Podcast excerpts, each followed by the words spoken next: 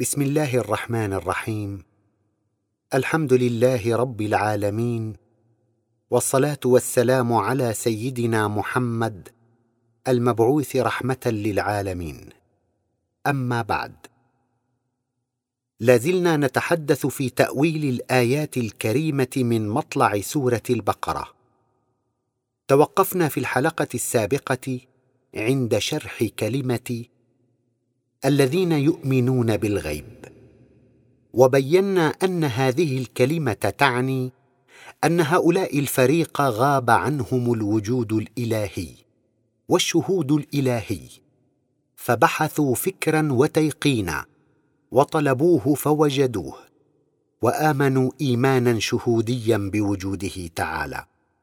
وفي الحديث القدسي ابن آدم اطلبني تجدني. فإذا وجدتني وجدت كل شيء وإن فتك فاتك كل شيء وأنا أحب إليك من كل شيء. أما الآن فسنبين ونفصل في الطريق الموصلة إلى هذا الإيمان بالغيب. فنقول إذا نظر كل واحد منا إلى ذاته وما قام عليه جسمه من تركيب بديع وأمعن النظر في كل جهاز من هذه الأجهزة التي تقوم بوظائفها على أكمل وجه وأتم تنظيم. وإذا هو دقق في حاسة السمع أو البصر أو التذوق ونظر إلى ما هي مجهزة به من أغشية وأعصاب وما هي عليه من التكوين الدقيق. ثم أرجع البصر إلى ما قبل سنين.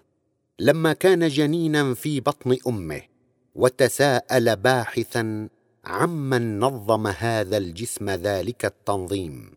وركبه ذلك التركيب ورباه تلك التربية من بعد أن كان نطفة لا يتميز فيها جزء عن جزء. فلا شك أن تفكيره يحكم بوجود مرب نظم هذا التنظيم. وركبه ذلك التركيب ورباه تلك التربية حتى أصبح مخلوقا كاملا وانسانا سويا. فهو لم يخلق ولم ينظم جسمه بذاته ولا أبوه أو أمه خلقته من نطفة ولا أحد من المخلوقات. اذا لابد من وجود خالق وهنالك تنشط نفس هذا الإنسان الذي فكر لتتجه للخالق الحقيقي. وتطلب الوصول له والاتصال به. وهنالك وفي أدوار الحمل والطفولة نقاط يستطيع الفكر أن يتنقل فيها خطوات. فيدرك من تربية مربيه معاني أدق ويتوصل إلى آفاق أبعد مدى وأوسع. كما لو أمعن النظر في الكيفية التي كان يتأمن معها تغذية الجنين في بطن أمه خلال تقلبه من طور إلى طور وإمداده بما يجعله ينمو يوما بعد يوم حتى إذا ما تم له النماء وخرج إلى هذه الدنيا وجد الغذاء في ثديي أمه محضرا معقما متناسبا في حرارته وكميته مع الحاجة متزايدا في معاييره الغذائية تزايدا مضطردا. مع ما يستدعيه نماؤه المتواصل وتقدمه في السن. موفورا وجوده عند الحاجة. فكلما جاع الطفل وجد وجبة الغذاء جاهزة في الثديين. حاوية صنوف المواد الغذائية اللازمة على شكل دقيق. فإذا مضى على ذلك شهور وأضحى لبن الأم غير واف بالمطلوب ظهرت الأسنان اللبنية لتعاون الثديين وتليها الأسنان الدائمة لتجهز الجسم بما يحتاجه من التغذية اللازمة. هل ذلك النظام الدقيق يجري لوحده صدفة؟ النظام لا بد له من منظم. وهكذا إذا نقل الإنسان تفكيره في مجال أوسع. ونظر في الكيفية التي يتوفر بها لهذا المخلوق ما يحتاجه من طعام وشراب وغير ذلك من الشرائط التي تتوقف عليها الحياة. فلا شك أن تفكيره يقوده إلى معرفة أن التربية تقتضي التسيير الدائم لهذا الكون. فالطعام والشراب لا بد لتوفرهما من الرياح والأمطار. وتشكل الفصول الأربعة المتوقف على دوران الأرض وتسير الشمس والقمر والليل والنهار. إلى غير ذلك من العوامل التي يضيق عنها الإحصاء. فالمربي الذي يمد مخلوقاته بما تحتاجه اذن هو المسير. الذي يدبر شؤون هذه المخلوقات وهو موجود حتما معها. ولو كان هنالك مسير غيره لفسد الكون واضطربت الحياة فمن هو هذا المربي؟ وبالتالي من هو المسير لهذه الكائنات؟ هل هو الكوكب أم القمر الذي هو أكبر؟ أم الشمس التي هي أكبر وأكبر بالنسبة لهذا الإنسان الباحث الرائي بأم عينيه؟ ذلك بأن الإيمان الحقيقي شهود بعين البصر ثم بعين البصيرة التي بها اليقين والوصول إلى الحقيقة. لا شك بأن الفكر السليم ينفي التسيير وبالتالي ينفي التربية عن كل واحد من هذه المخلوقات إذ كل واحد منها هو بحد ذاته مسير محتاج للتربية والإمداد. وخاضع لسنة كونية تجري عليه وتجعله منسجما مع ذلك النظام العام الذي يجمع الكون كله. فلا الشمس ينبغي لها أن تدرك القمر ولا الليل سابق النهار وكل في فلك يسبحون. فالإله المسير معها ومسيطر عليها يصل إليه طالبه بصدق وتفكير.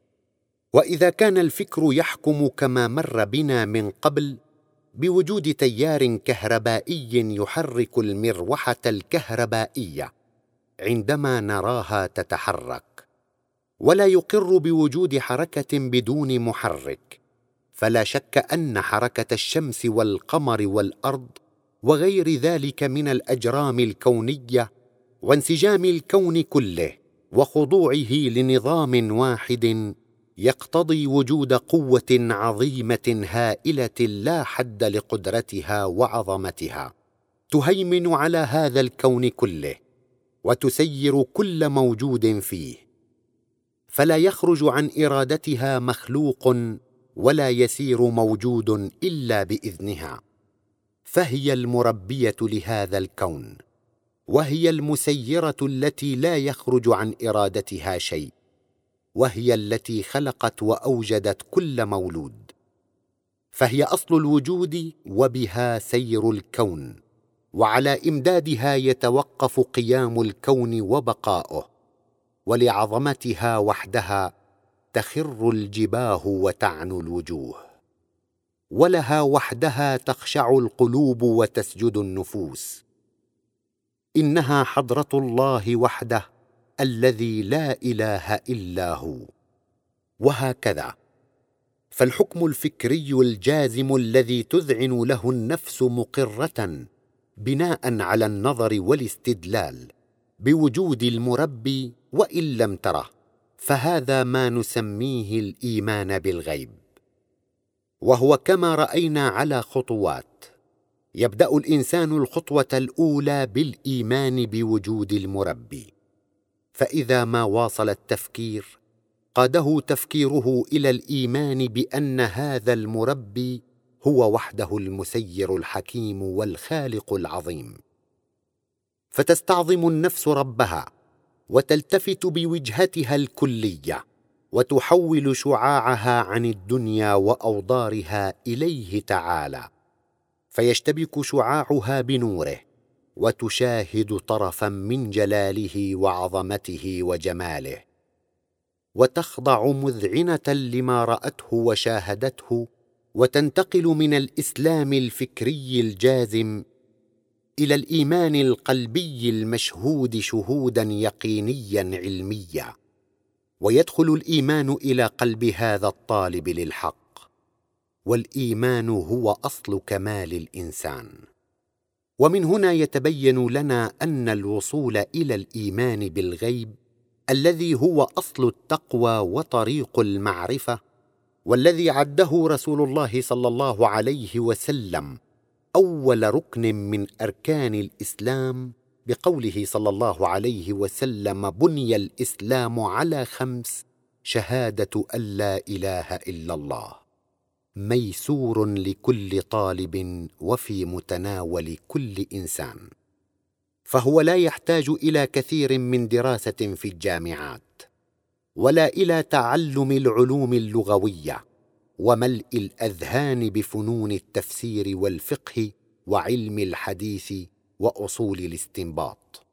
فإذا كان الإنسان صادقا في طلب الحق ونظر كما رأينا في نفسه نظرة مشحونة بالتفكير فما أسرع ما يهديه فكره إلى مربيه الرحيم به. فإذا واصل تفكيره فإنه يصل إلى الإيمان بلا إله إلا الله فيعلم الا مسير لهذا الكون إلا الله. ونوجز القول عن إيمان الذين يؤمنون بالغيب فنقول إذا فكر الإنسان بذاته دون ما مرشد بل استعان بفكره فقط ونظر بصدق بالكون فإنه سرعان ما يستدل فيؤمن بالغيب. يحصل هذا الإيمان عندما يفكر الإنسان ببدايته ونهايته.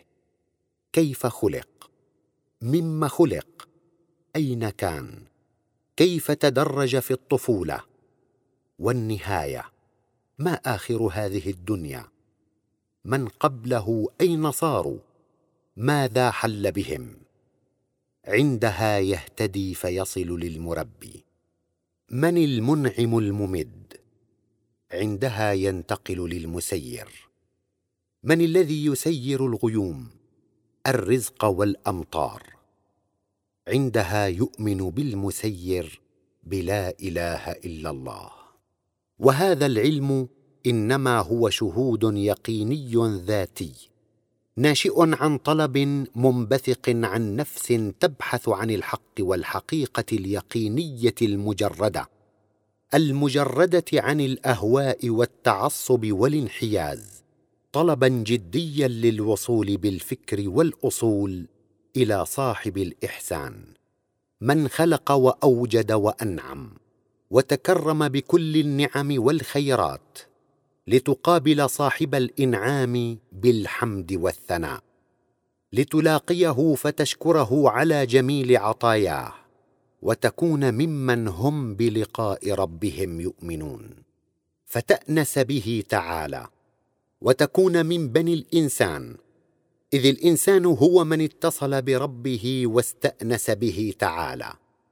فاستأنس بهذا الإنسان كل المخلوقات وبذلك تتم الإنسانية وتصفو النفس من كافة الصفات البهيمية الحيوانية منها والشيطانية وتغدو إنسانية تأنس بالله ويأنس بها كل شيء. فبالإيمان تتحقق الإنسانية الحقة والإيمان كمال الإنسانية. وهذه دعوتنا. نعم. إن الإنسان سرعان ما يصل إلى هذا. ولو أنه كان راعيا في شعاب الجبال وسواء كان عربيا أم اعجميا إذ لا يختلف في قابلية الوصول إلى هذه المعرفة إنسان عن إنسان. فهذا الكون العظيم كتاب مفتوح بين يدي جميع الناس. وهذا التفكير جهاز المعرفة مزود به كل إنسان والأمر كله موكول إليك متوقف على صدقك وذلك ما تقضي به العدالة الإلهية وما يرضى به كل ذي منطق صحيح وعقل سليم. فإذا خطى الإنسان هذه الخطوة الأولى فعرف أن له مربيا قديرا. وإلها مسيرا حكيما وخالقا عظيما بيده تصريف أمور الكون كلها صغيرها وكبيرها جليلها وحقيرها فهو حيثما التفت يرى الله معه فلا شك أن إيمانه هذا يجعله في حصن الاستقامة الحصين فلا يجرؤ على أن يؤذي نملة صغيرة. ولا أن يقول كلمة واحدة أو ينظر نظرة أو يخطو خطوة ما لم تكن خالية من إيذاء الخلق وموافقة لرضاء الله. لأن الخلق جميعا هم نسيج هذه الحضرة الإلهية العلية الرحيمة وهذه الاستقامة التي تتلو الإيمان بلا إله إلا الله. والتي تحدثنا عنها في بحثنا هذا ينتج عنها عمل الصالحات. لأن الإنسان لا بد له من الحركة والعمل فما دام لن يعمل السيئات فحتما سوف يعمل الصالحات. فإنك تجد في القرآن الكريم كلمة آمنوا مقرونة دوما بكلمة وعملوا الصالحات. لأن العمل الصالح من لوازم الإيمان ونتيجة من نتائجه.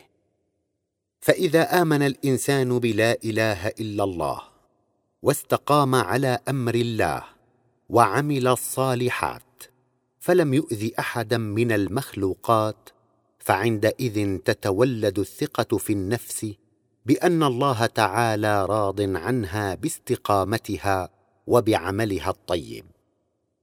وهناك تستطيع أن تقبل بوجهها على ربها وتتجه إليه بكليتها.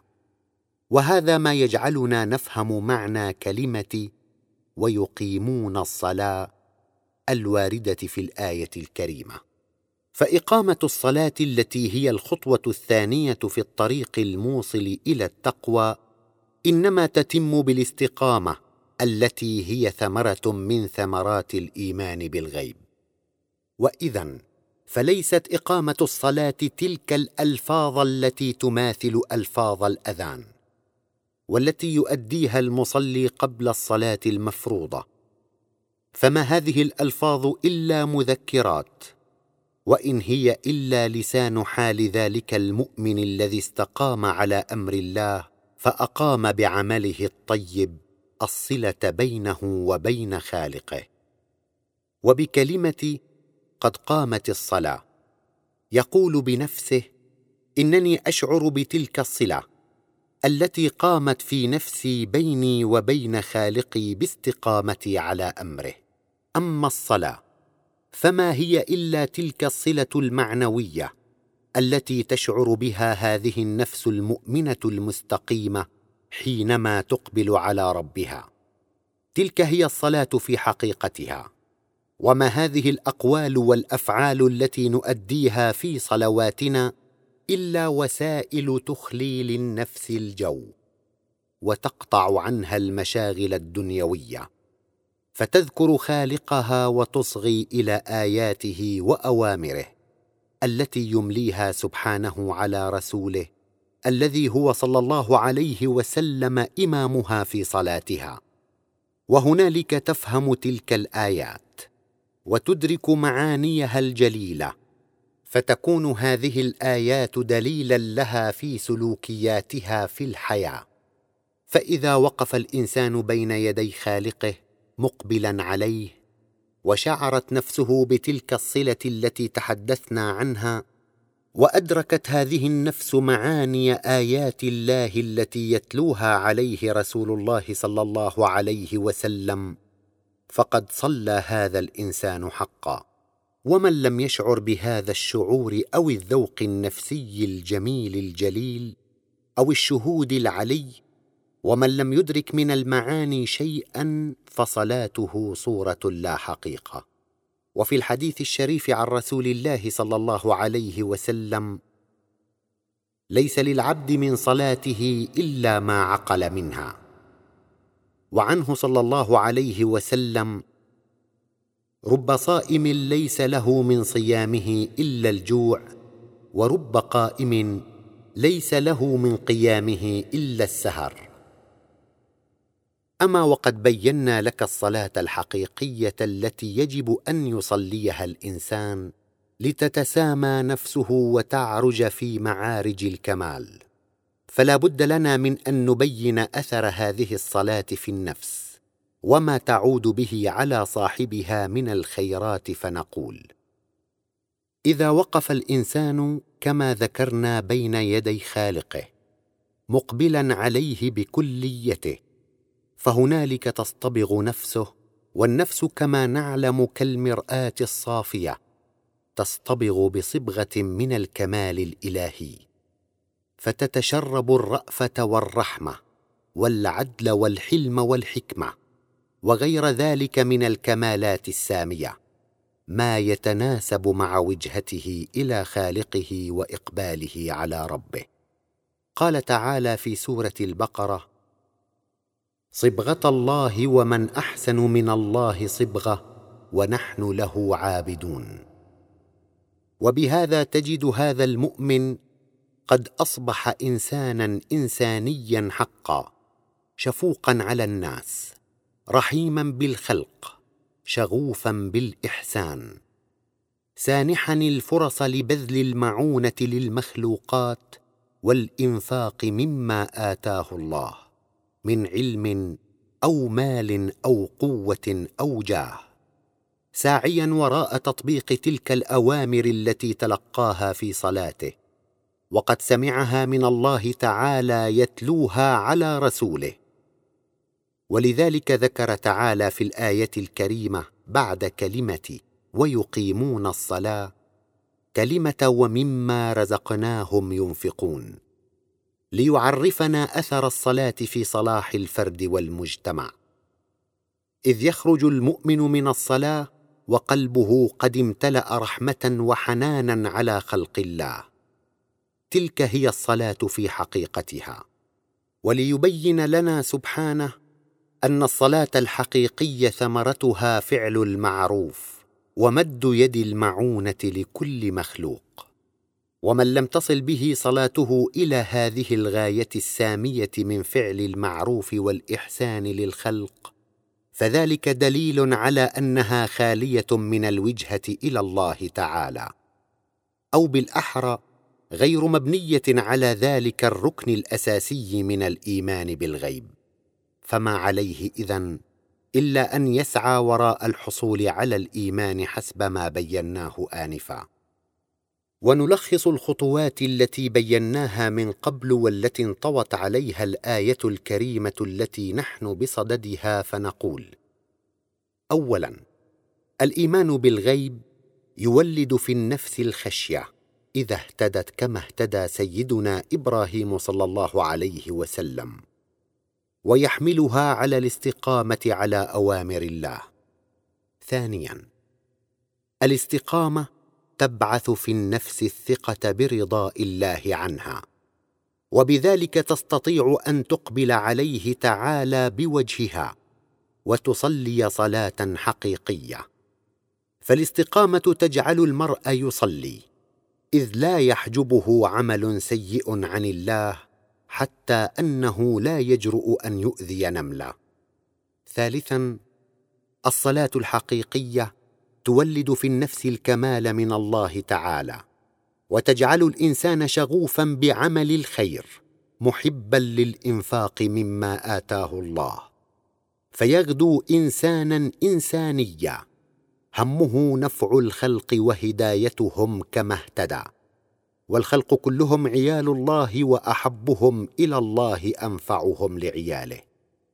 ذلك مما نفهمه من قوله تعالى الذين يؤمنون بالغيب ويقيمون الصلاة ومما رزقناهم ينفقون. عندها وبهذه الصلاة يفعل المعروف.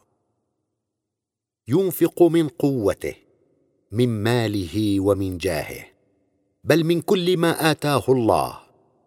عندها وبهذه الصلاة يصبح كاملا.